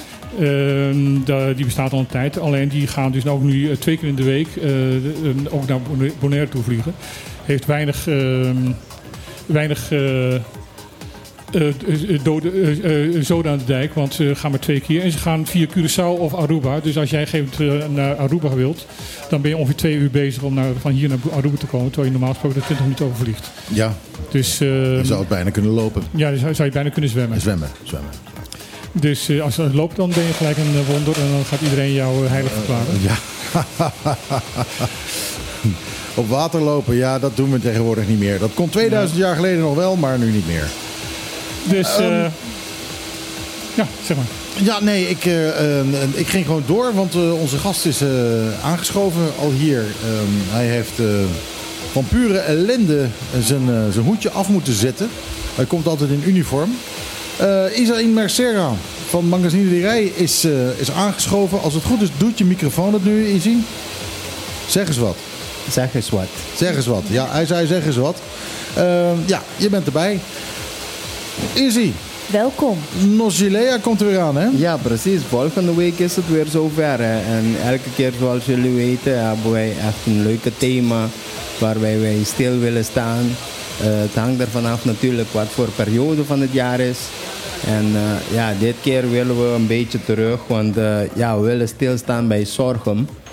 Ik weet niet wat iedereen weet wat sorghum is. Sorghum is een soort mais die heel goed tegen droogte kan. En dan wordt het eh, hier nog altijd op het eiland eh, ja, geplant. En eh, ja, op het moment is het dus zo dat, ja, dat wanneer de toppen van de sorghum rijp zijn, dan gaan ze die dus oosten. Dus dan gaan ze die knippen, snoeien. En dan is het wil noemen. Juist, kijk. En dan, dat inderdaad heb je al een beetje mee te maken met de Simadang. Die toppen die ze in feite snoeien of eh, knippen of ja, oosten, hoe je dat ook wil noemen. Ja, die gaan ze dan malen. En uiteindelijk heb je dan te maken met die maismeel. En van die maismeel doen ze dan onder andere nog altijd pap maken en pannenkoeken. Vroeger was het ook nog zo dat ze foontje van deden maken, welke een eh, bijgerecht is die voornamelijk wordt geserveerd met vis. Ja, en het is dus zo dat de eigenaar van de knoek, die kijkt dan uit naar een dag ehm, dat te maken heeft met de maan en dergelijke. En eh, dan is het dus zo dat hij daarbij, ehm, sorry, waarbij hij familie en vrienden dan gaat uitnodigen om bij zijn knoek, dus bij zijn knoek, langs te komen om hem te helpen. Je zegt hij kijkt naar de maan. En eh, wat, wat, wat betekent dat? Wat doet hij daarmee? Wat is, waarom is dat? Ja, kijk, het is dus gedurende de eh, getijden van de volle man. Dan is het dus zo dat ze gaan snoeien of eh, ja, um, kappen. En het is dus bijvoorbeeld net als wanneer je een cactusomheining maakt. Dan doe je dat rondom de volle maan. En ook Maar waarom is dat? bijvoorbeeld... Ja, want dan, Waarom? Waarom? Ja, want dan zegt eh, onze ouderen, dat, of onze senioren, die zeggen dan dat je dan de natuur niet verstoort. Dan is de natuur niet in beweging, zeggen ze dan. Het schijnt ook als je naar de kapper gaat rond volle maan... dat je haar ook extra mooi geknipt wordt. is echt waar. Je kan wel lachen, maar Ja, het is ik weet, ik weet die dingen niet. Eh, dat denk- is de vrouwentheorie. hè? En ik denk Dus, dat, eh, eh, dat eh, Izzy en ik eh, ons, eh, over ons haar niet zoveel zorgen meer maken. Nou, ik, ik denk iedereen die weet inmiddels nu dat ik een kalle kop heb. Dus dan hoef je niet eh, helemaal dik op aan te smeren. Gewoon een petje opzetten, dan eh, maakt het geen bal uit. Ja, dus en ja, dit keer dus dan willen we bij die thema stilstaan. En dan hebben wij een eigenaar. Eigenlijk is het dus zo dat hij een van de weinigen van op het eiland nog altijd eh, deze traditie voorthoudt. En hij doet nog altijd zijn knoek planten. Eh, beplanten, sorry. En dat is de heer Bernard Emerenciane. En hij zal deze keer onze hoofdgastheer zijn, zeg maar. En hij komt dus dan even om eh, ja, uitleg te geven. Dus eh, hoe dat gaat. Dus ja, Bernard zal zijn ervaringen mee, sorry, met ons komen delen over het oosten van Zorgum en tradities ja, hier rondom. Hij zal ook uitleg geven over het vermalen van Zorgum tot meel en de verkoop hiervan. Natuurlijk, ja, iedereen weet, de lokale markt is er altijd, zoals we dat gewend zijn, want dat is ook onderdeel van Noord-Chilea.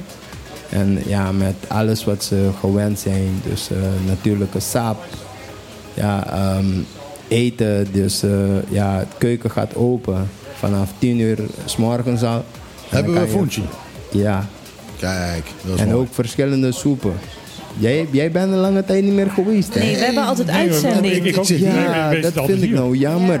Maar jullie hebben mij wel beloofd. Ja, met goed internet komen we bij jullie een keertje uitzenden. Absoluut. Oké. Ja, ja, Ja, staat en- nog steeds en- in het programma. Ja. En, en jij moet de volgende keer dat je komt, moet je gewoon zo- zo'n bak soep meenemen voor ons. Ja, Ja? tuurlijk.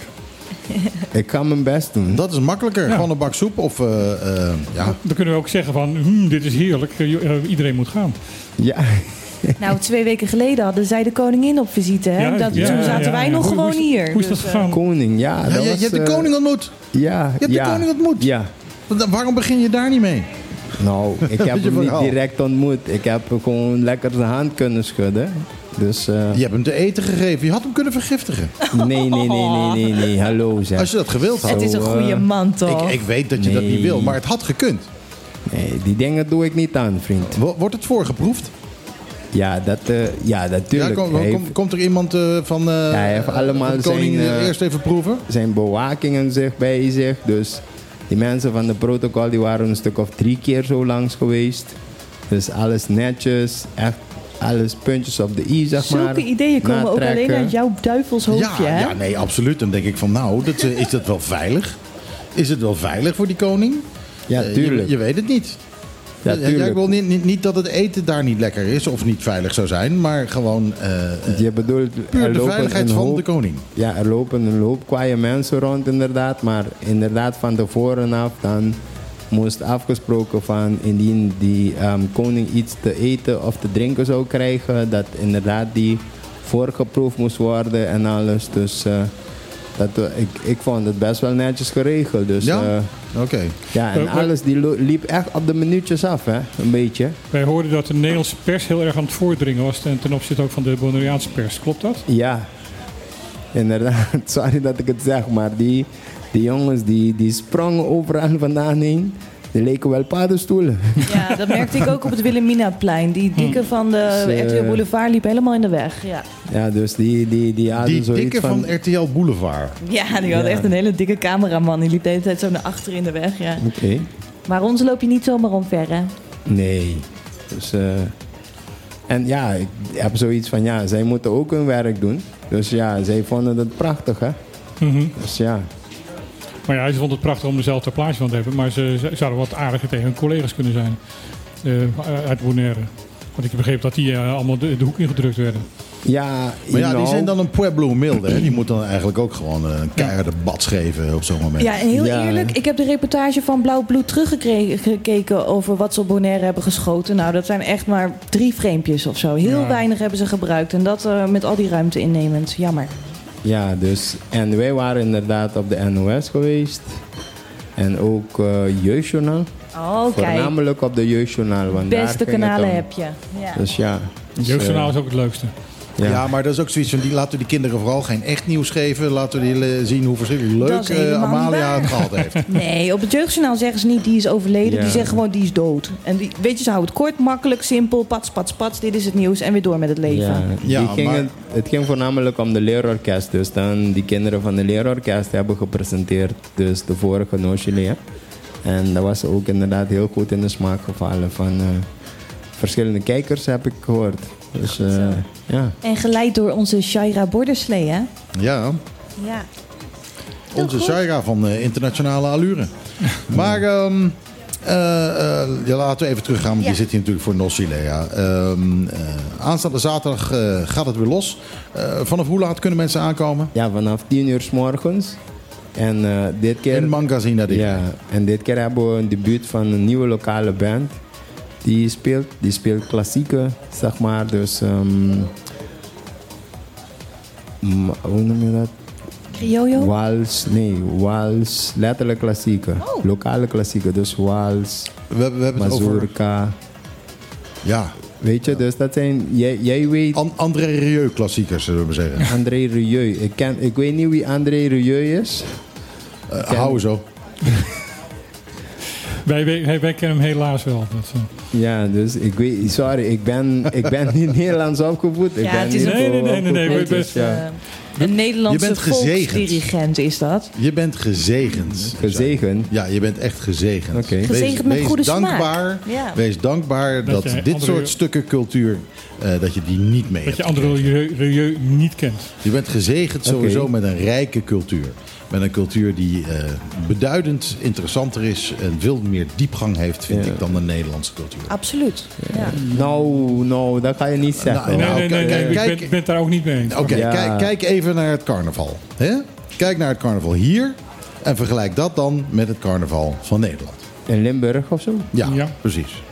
Want ik Nou. kijk naar de taal. Nederland heeft zoveel woorden. Nederlanders hebben zoveel woorden nodig. Ja, waarin papiaments we al... hebben meer woorden. Ja, maar ook, Ja. we hebben ze ook allemaal nodig. Dat is Nou, wat, wat er ge- gelijk is aan carnaval in Bonaire en het carnaval in Nederland... is dat negen maanden later heel veel kinderen worden geboren. ja. Ja, dat is waar.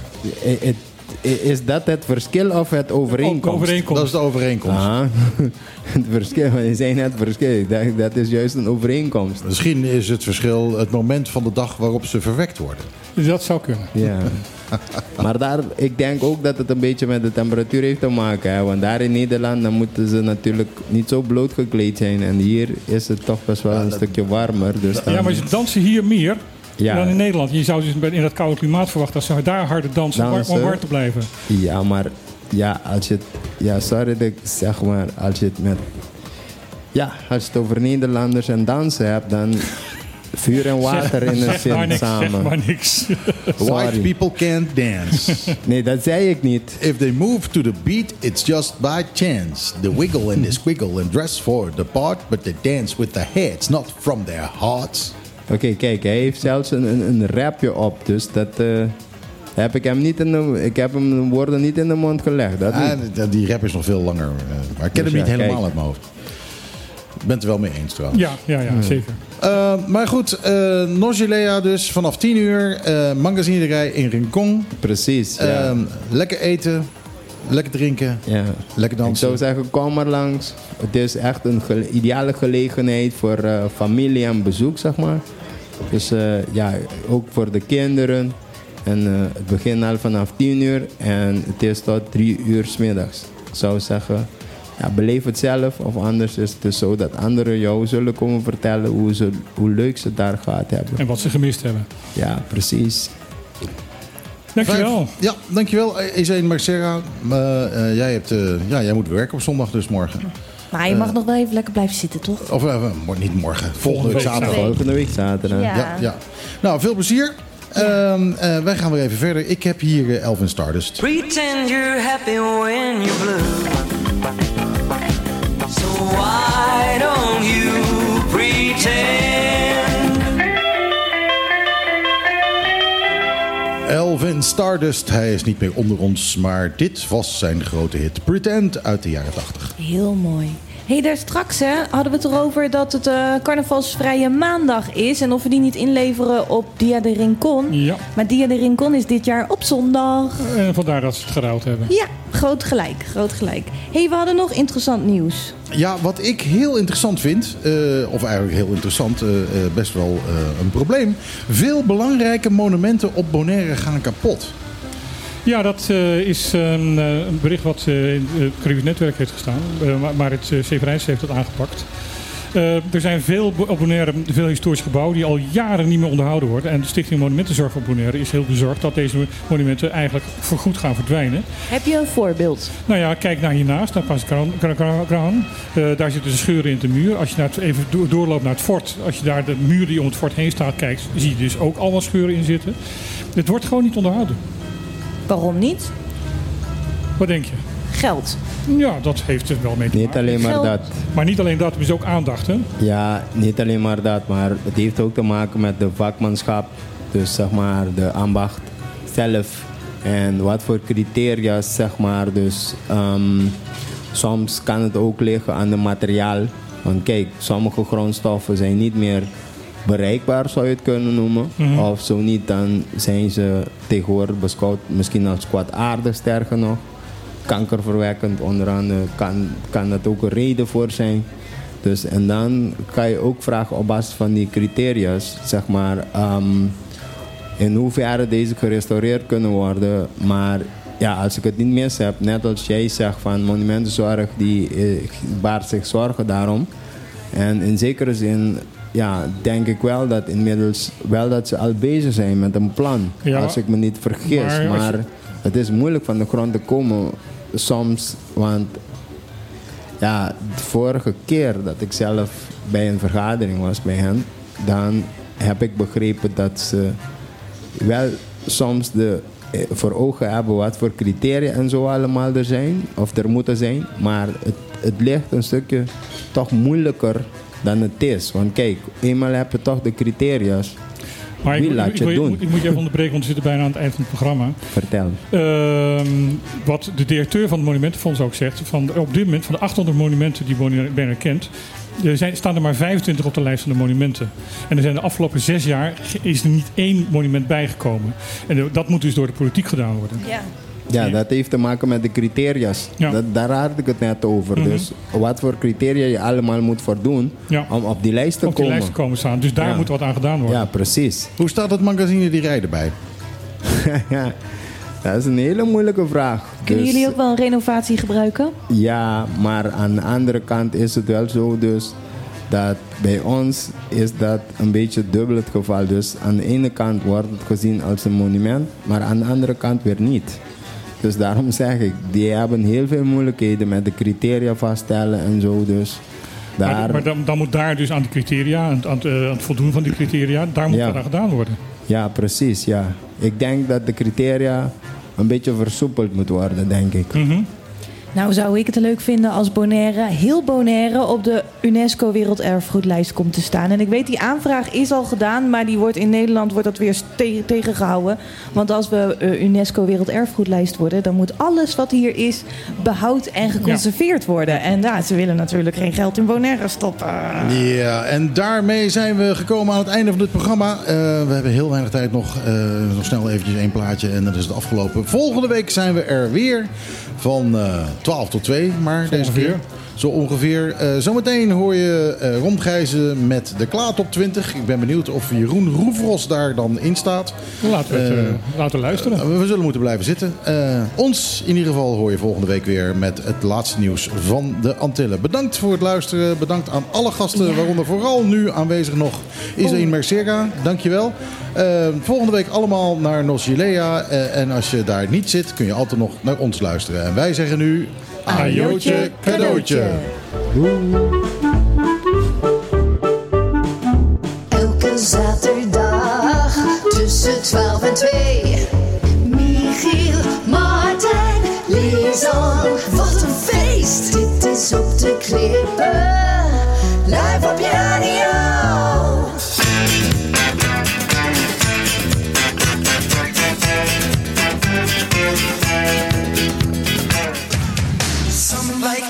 Air Cooling Services.